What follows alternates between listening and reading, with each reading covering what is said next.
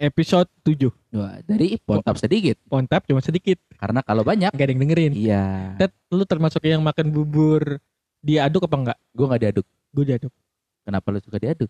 Ih, bumbunya rata, Tapi kan kalau nggak diaduk itu lo bisa eh, merasakan estetika. eh, bukan estetika, Apa? asin hambarnya kehidupan. Wah. Tapi kan kagak enak di lidah lah. Enak ya gak? Di? Jadi kalau bagian yang asin banget tuh gurih banget. Tapi lo mesti sadar di balik keasinannya itu ada sesuatu yang hambar. Ya Allah, terlalu dalam. Terlalu dalam. Jadi kehidupan kayak gitu maksud lu? Iya, Oh. kan bubur itu melambangkan nasi Iya. sudah jadi bubur. Berarti udah terlewat. Udah terlewat. Kehidupan itu tidak bisa membuat kita menyesal. Kok jadi nggak lucu? Goblok. Apa sih?